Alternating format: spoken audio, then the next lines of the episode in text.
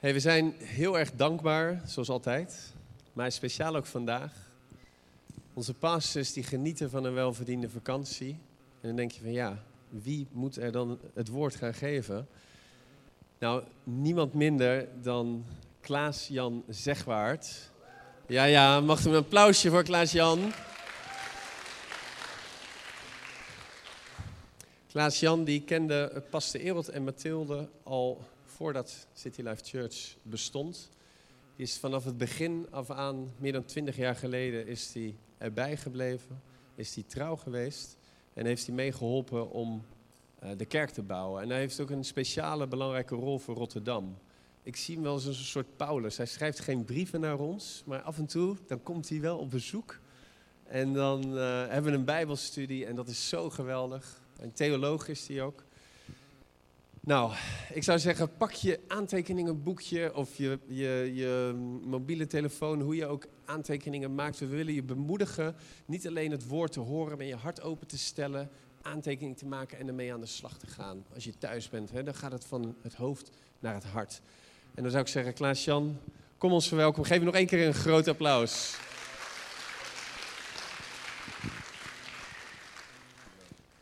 Dankjewel. Ik word altijd wel een beetje verlegen hoor, van zo'n introductie. Goedemorgen Rotterdam. Ik sprak vanmorgen mijn zoon en die zei, dan moet je goedemorgen Roffa zeggen voor de, voor de jonge mensen. Bij deze, goedemorgen Roffa. Hey, ik vind het ga, gaaf om hier te zijn. Uh, dankjewel Henk voor de intro. Uh, vroeger zou ik zeggen, too much honor. Maar ik heb afgeleerd om dat te zeggen, dus ik zeg dat niet meer. Oké? um, ik vind het geweldig om hier in Rotterdam te zijn. Dat meen ik serieus. Dat is, iedereen zegt dat natuurlijk en alle sprekers zeggen het, maar je mag van mij aannemen, ik meen het echt.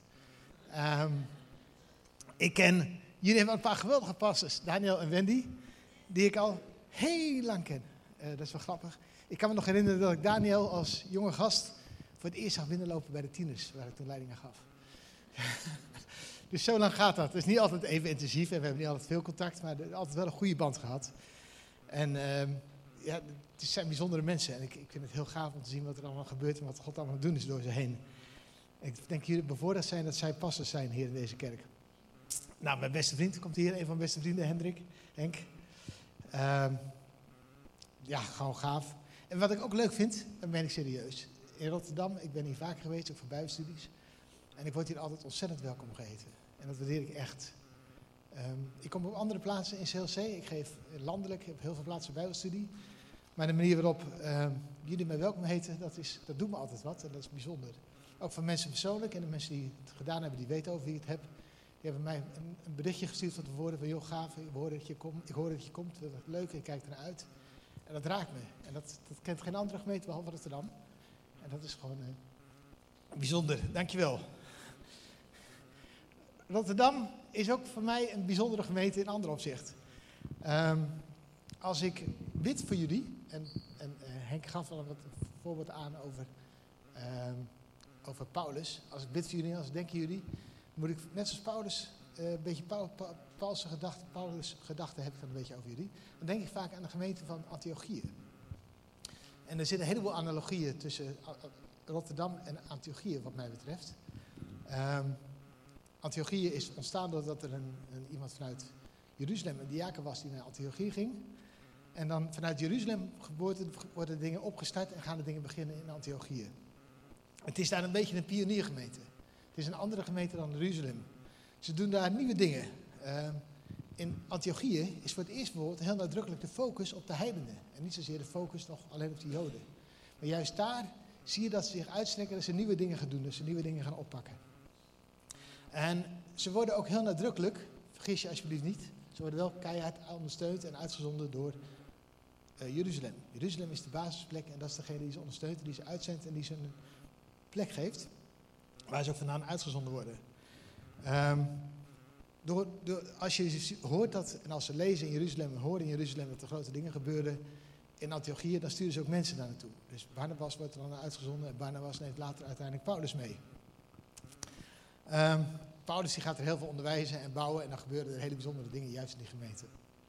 Het grappige is dat ook voor het eerst In Antiochië is de eerste plek waar de gemeente mensen christenen genoemd worden.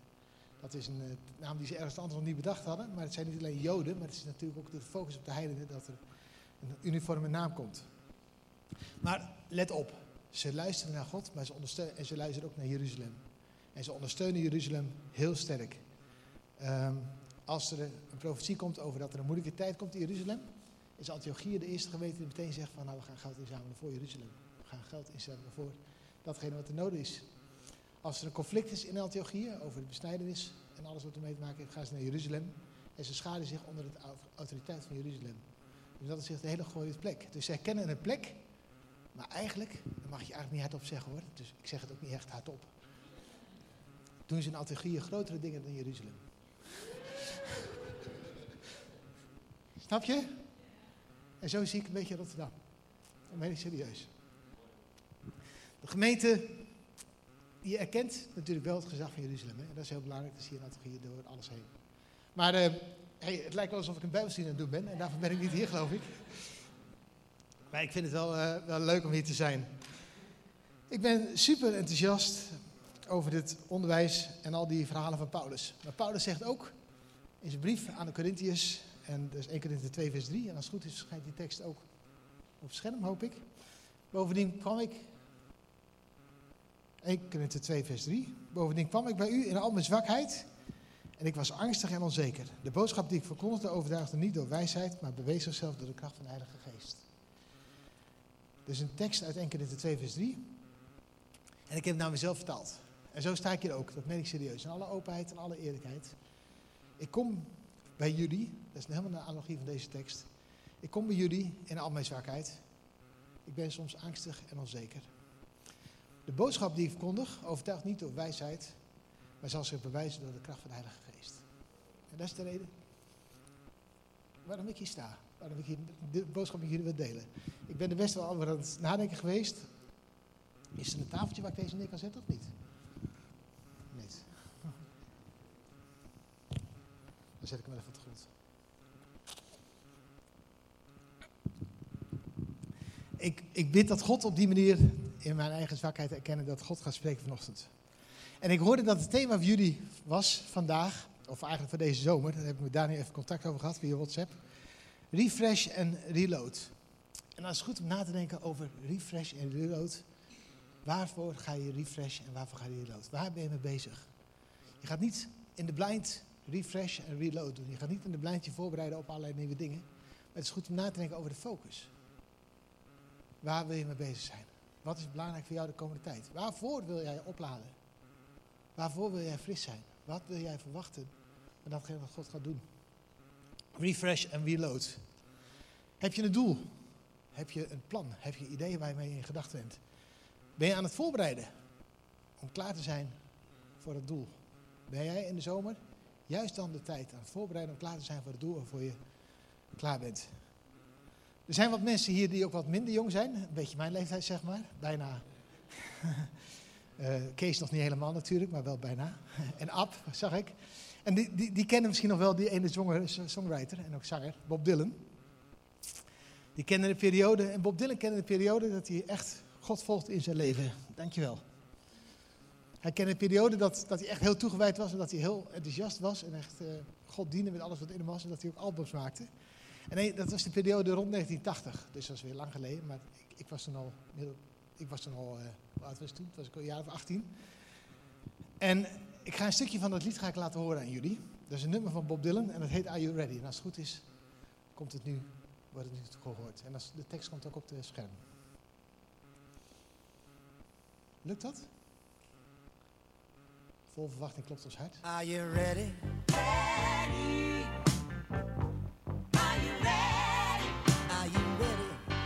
Bob Dylan, hè? Let op de tekst.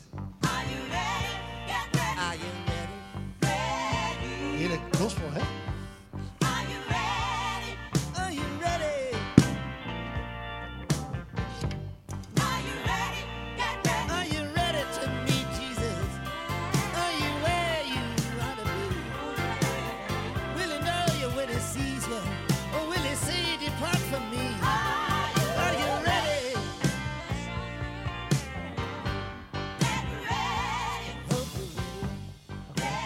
De, de vraag die Bob Dylan stelt is: Are you ready? En dat is het thema van deze preek. Are you ready? Bob Dylan focust in dit nummer heel sterk op de wederkomst van Jezus. Dan ben je klaar als Jezus terugkomt. Ben je er klaar om God te ontmoeten? Uh, zal God tegen je zeggen welkom? Zal God tegen je zeggen van ik, ik heb je, ken je niet, ik heb je niet meegemaakt? Maar ik ga het nummer ook plaatsen in een ander kader. Are you ready? In CLC, en ik merk dat in CLC Den Haag heel sterk, en ik merk het ook in, in, in Hillsong, Australië, Hillsong, Engeland heel sterk, op allerlei mogelijke manieren.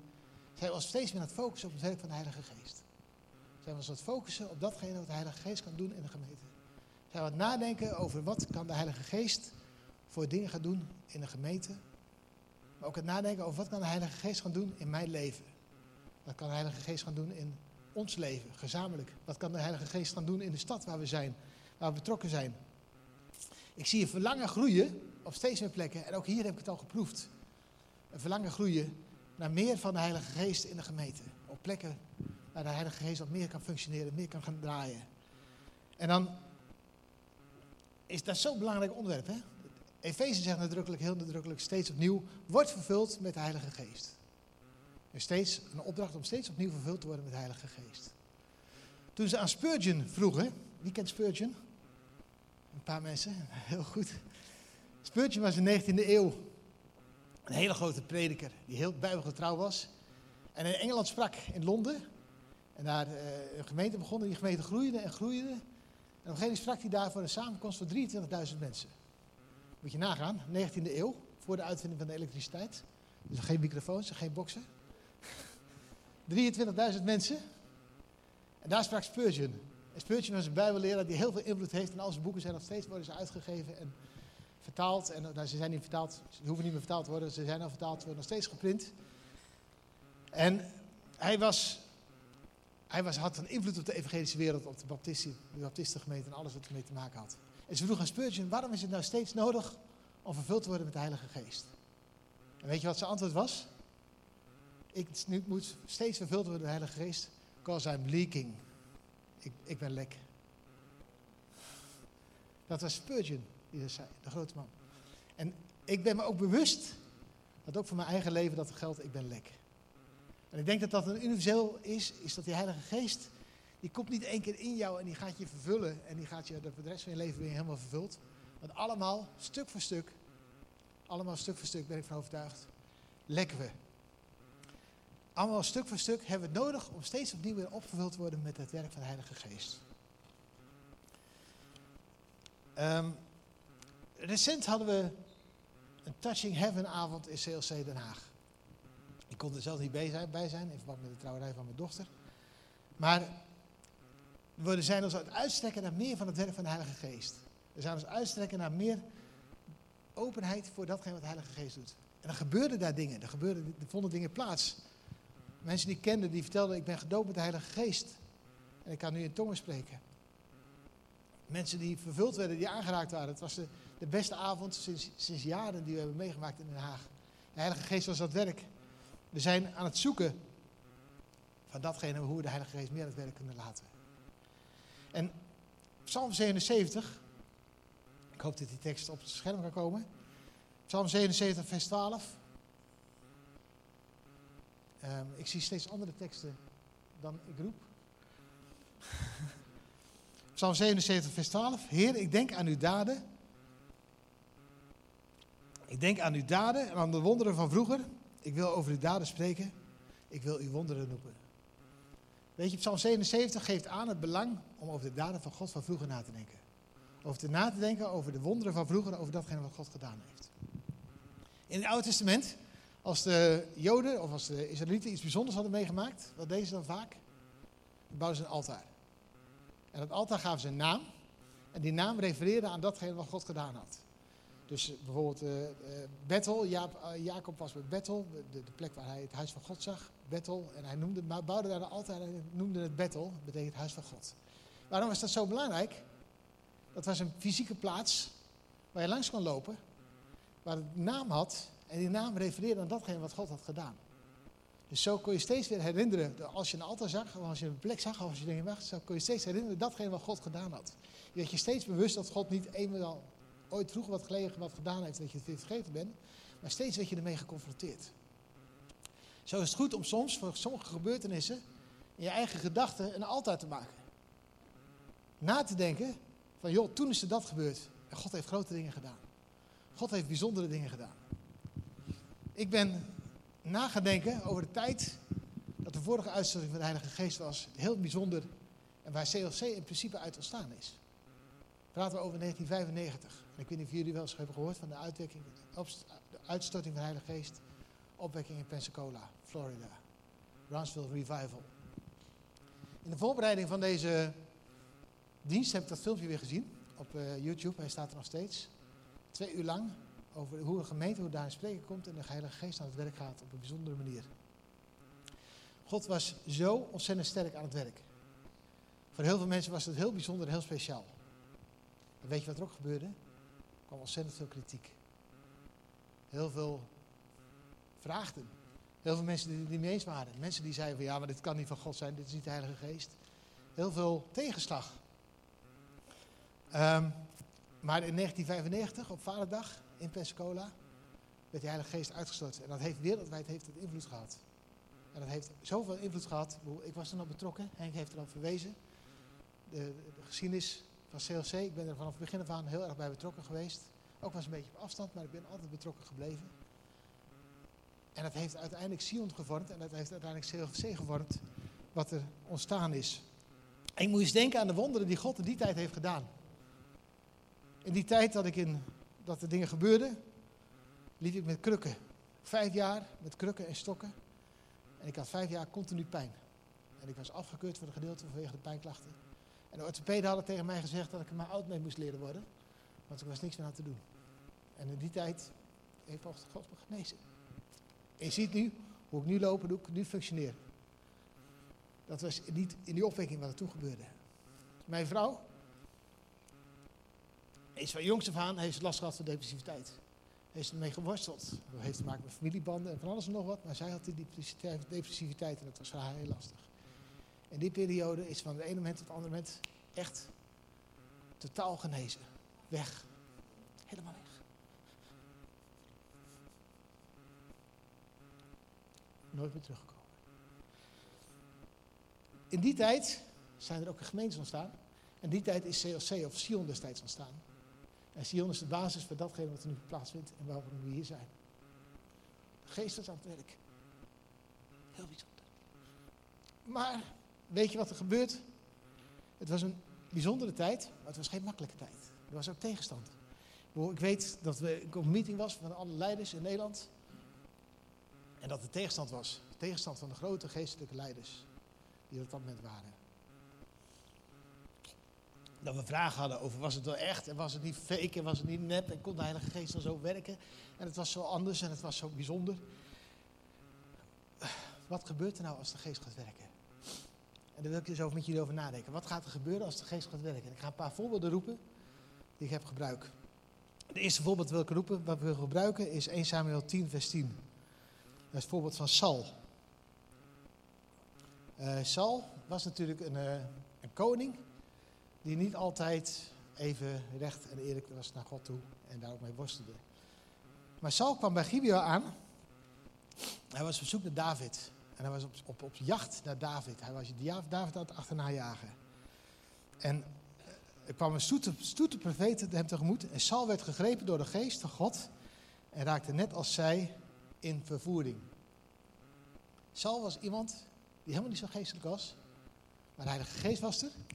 Er waren een heleboel profeten en de geest was zo sterk aanwezig. Saul raakte in vervoering. Saul begint ook te profiteren. Saul, of all people. Had je niet verwacht hè, van Saul. Staat er echt. Saul begon te profiteren. Profiteren is sowieso voor mij, is niet alleen zeggen van zo spreekt de Heer en dat soort zaken. Dat kan ook profiteren zijn, met alle respect. Maar profiteren is voor mij doorgeven van de wijsheid die God je geopenbaard heeft. Dus in dat opzicht is deze preek ook een stuk profetie. Maar Saul begon te profiteren. Die kon het niet eens tegenhouden, maar hij begon te profiteren. Hij kon zijn mond niet eens meer bedwingen. Hij begon te profiteren naar de mensen toe. En hij raakte in vervoering. Saul, die grote lange koning, weet je wel, die overal bovenuit stak. Die raakte in vervoering. Die raakte de controle over zichzelf een beetje kwijt. Hij begint te dansen en te schreeuwen. 1 Samuel 19. Als Saul de Heilige Geest ontvangt, raakt hij in vervoering, begint te dansen en te schreeuwen. Volledig, volledig eh, buiten zinnen. Ja, ik durf bijna niet te zeggen. Dan legt hij al zijn kleren uit. En hij ligt op de grond en hij is een hele nacht buiten van de wereld. Een hele nacht ligt hij, in de Pensacola-tijd zouden we het noemen, ligt hij te sopen. De Heilige Geest aan het werk. Ezekiel, Ezekiel geeft ook aan dat er bijzondere dingen gebeuren als de geest aan het werk gaat. Ezekiel 11 vers 1. De geest tilde mij op en bracht me naar de oostelijke poort van de tempel van de Heer. hey, transportatie, of hoe noem je dat? Je werd opgetild en je bent zomaar opeens op een andere plek. De geest was aan het werk. Ik werd opnieuw door de geest van, in vers 11, vers 5, ik werd opnieuw door de geest van de Heer overweldigd. En hij droeg mij op te zeggen. De geest van de Heer, die kan je overweldigen. Die kan je forceren om dingen te zeggen. En het bijzondere is, als de geest gegeven wordt, Ezekiel 36. Ik zal mijn geest in uw binnenste geven. Ik zal maken dat u mijn verordeningen wandelt en dat u mijn bepalingen in acht neemt en ze houdt. Dus als de geest aan het werk gaat, dan gebeurt er dit. Dan gaat die geest in je binnenste zijn.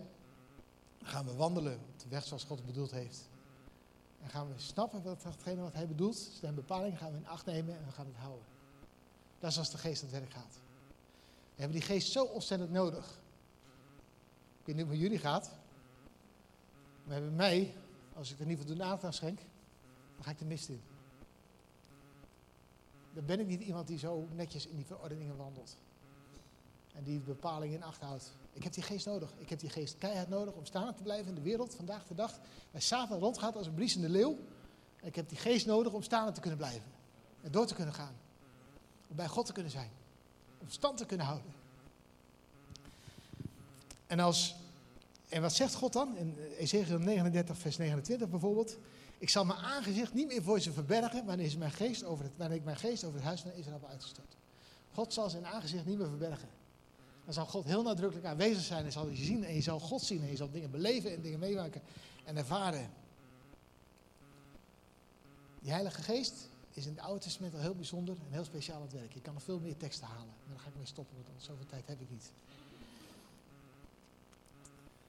In het Nieuwe Testament zegt Jezus, als ik wegga, dan zal ik de geest sturen.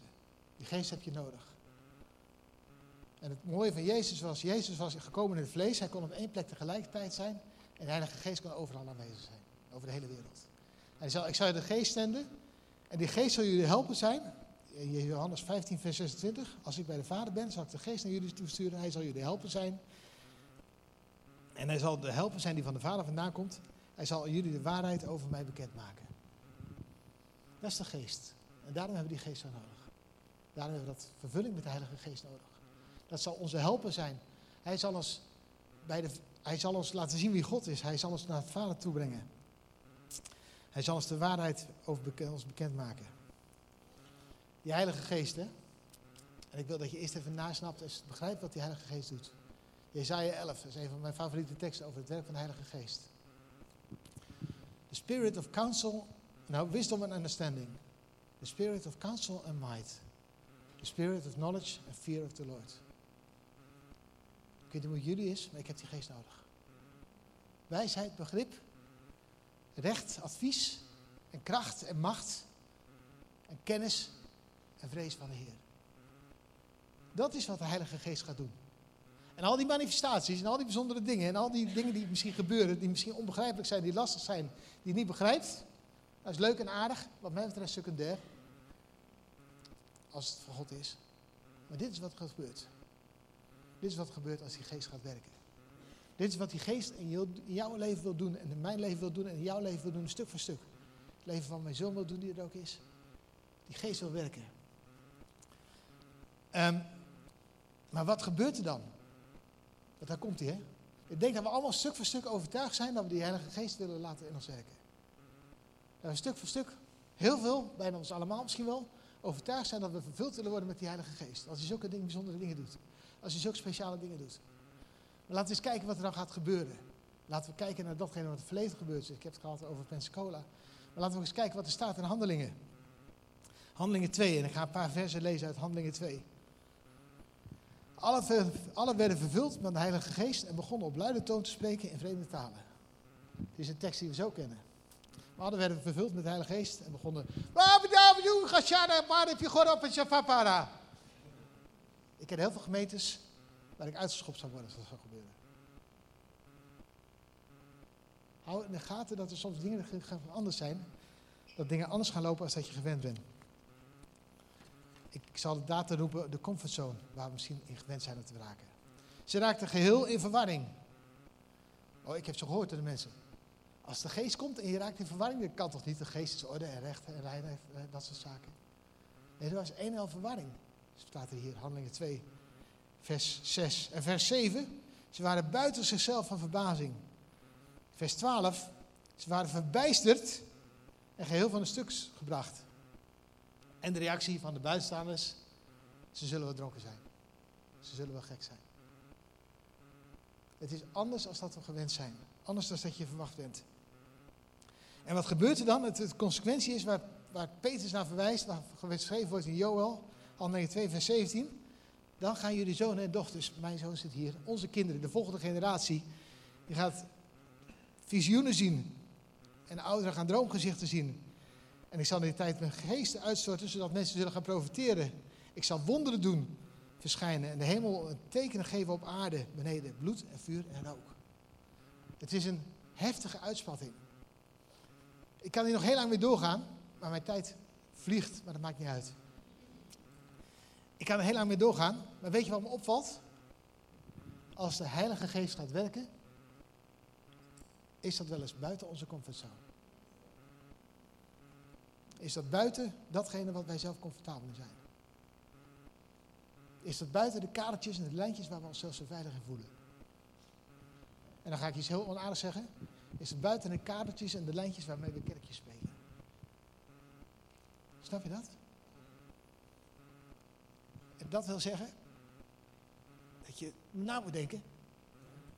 Als je wilt en vraagt of vervuld worden met de Heilige Geest. Dan gaan er dingen gebeuren. Dan gaan er grote dingen gebeuren. Elke opwekking die we hebben gehad in de geschiedenis, en ik, ik heb geen tijd om er lang over te praten, zijn bijzondere dingen gebeurd. Zijn nieuwe dingen gebeurd, zijn nieuwe liederen ontstaan, er zijn nieuwe mensen tot geloof gekomen, dat heeft wereldwijd impact gehad. Elke opwekking kent zijn tegenstand. Omdat het anders was. Het paste niet meer in de kadertjes en de lijntjes die we gewend waren. We deden het zo lang zo anders. En de degelijkheid en de, betrouwbaarheid, het wordt anders. Je moet dingen loslaten. Ben je bereid om dingen los te laten? Lucas 18, de rijke jongeling, die werd gevraagd om alles los te laten. En dan komt het verhaal, ik ga er heel snel doorheen. Van de, de, de, de kameel, de oog van de naald en zo. Makkelijker dan de rijke jongeling. En dan zeggen de discipelen, hoe zit het uiteindelijk? Ik sla het verhaal even over. Dan zegt Jezus, tenzij je bereid bent om alles op te geven, kun je het koninkrijk van God niet binnengaan. En dan zeggen de discipelen, en wij dan? We hebben alles opgegeven voor u. En Jezus zegt, als je bereid bent om huis en bezit, om alles op te geven. Jezus noemt in Lucas 18 zelfs, als je bereid bent om je ouders en je kinderen los te laten. Als God het van je vraagt. Dan zal je in deze tijd de dubbel ontvangen, de zegen, en de komende tijd het eeuwig leven. Durven wij dingen los te laten? Durven we dingen echt los te laten? Are you ready? Are you ready om dingen echt los te laten? Wat, gaat, wat gebeurt er in handelingen? Ga lekker spelen, heel goed. Wat gebeurt er in handelingen? Echt gaaf. Als je ziet dat de Heilige Geest het werk gaat, dan zie je dat er heel veel mensen tot bekering komen. Geweldig. Heel veel mensen tot bekering komen wil zeggen, vraag een stukje zorg, vraag een stukje aandacht, vraag een stukje inzet van de mensen die nu in de kerk zitten. Om daarmee op te gaan. Als je kijkt, Handelingen 2 vers 44 zegt dat ze alles gemeenschappelijk hadden. En ze deelden alles met elkaar. Als jullie zeggen, are you ready for the Holy Spirit? En je zegt ja, ben je bereid om je portemonnee in te leveren? Dat is de vraag. Handelingen 2, 46 staat dat ze dagelijks samenkwamen in de tempel. Als jullie zeggen klaar te zijn om vervuld te worden met de Heilige Geest, Ben je bereid om je agenda in te leveren? Dagelijks samen zijn in de tempel. Dat zijn de dingen die we in deze maatschappij het allermooiste vinden. Onze tijd en onze agenda. Onze tijd en onze geld. Sorry, de agenda en het geld. En er zijn specifieke onderwerpen waarvan de Bijbel zegt dat je bereid moet zijn om los te laten. Te geven. Je ziet dat als de Heilige Geest gaat werken, dat er bijzondere dingen gebeuren. Handelingen 6, Stefanus, die wordt vervuld van de Heilige Geest. En die ziet het aangezicht van God. Geweldig. Weet je wat het volgende moment gebeurt? Wordt hij gestenigd. En zijn leven geven. Zo dicht bij elkaar, hè? Het aangezicht vervuld van de Heilige Geest en het aangezicht van God. En vervolgens gestenigd worden.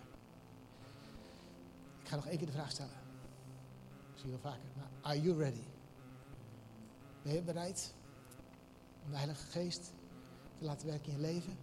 En ben je bereid om jezelf weer te laten vervullen door de Heilige Geest? Are you ready? Wil je graag dat de Heilige Geest erin gaat werken? Wil jij je openstellen?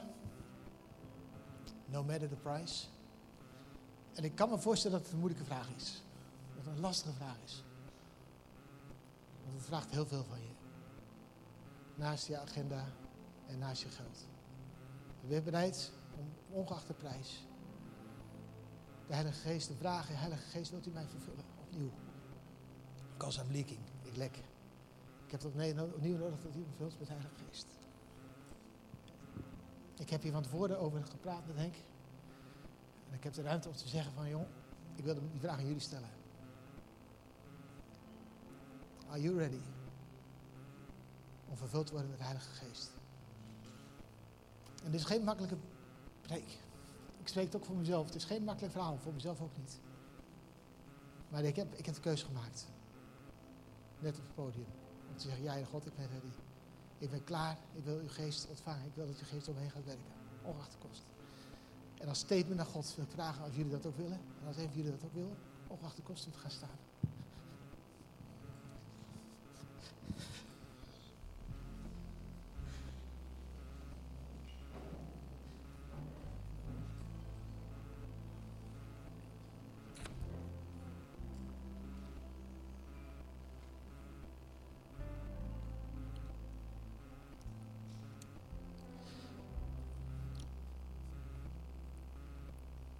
Heilige Geest.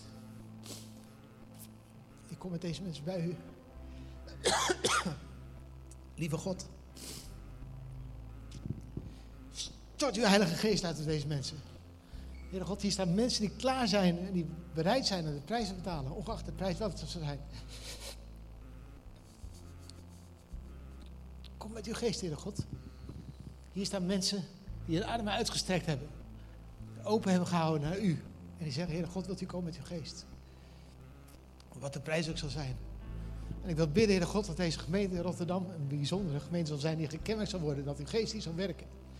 En dat er bijzondere dingen gaan plaatsvinden. Dat uw geest op een bijzondere manier gaat uitstorten op deze mensen. Dat mensen zullen ervaren dat uw geest op een bijzondere manier gaat werken.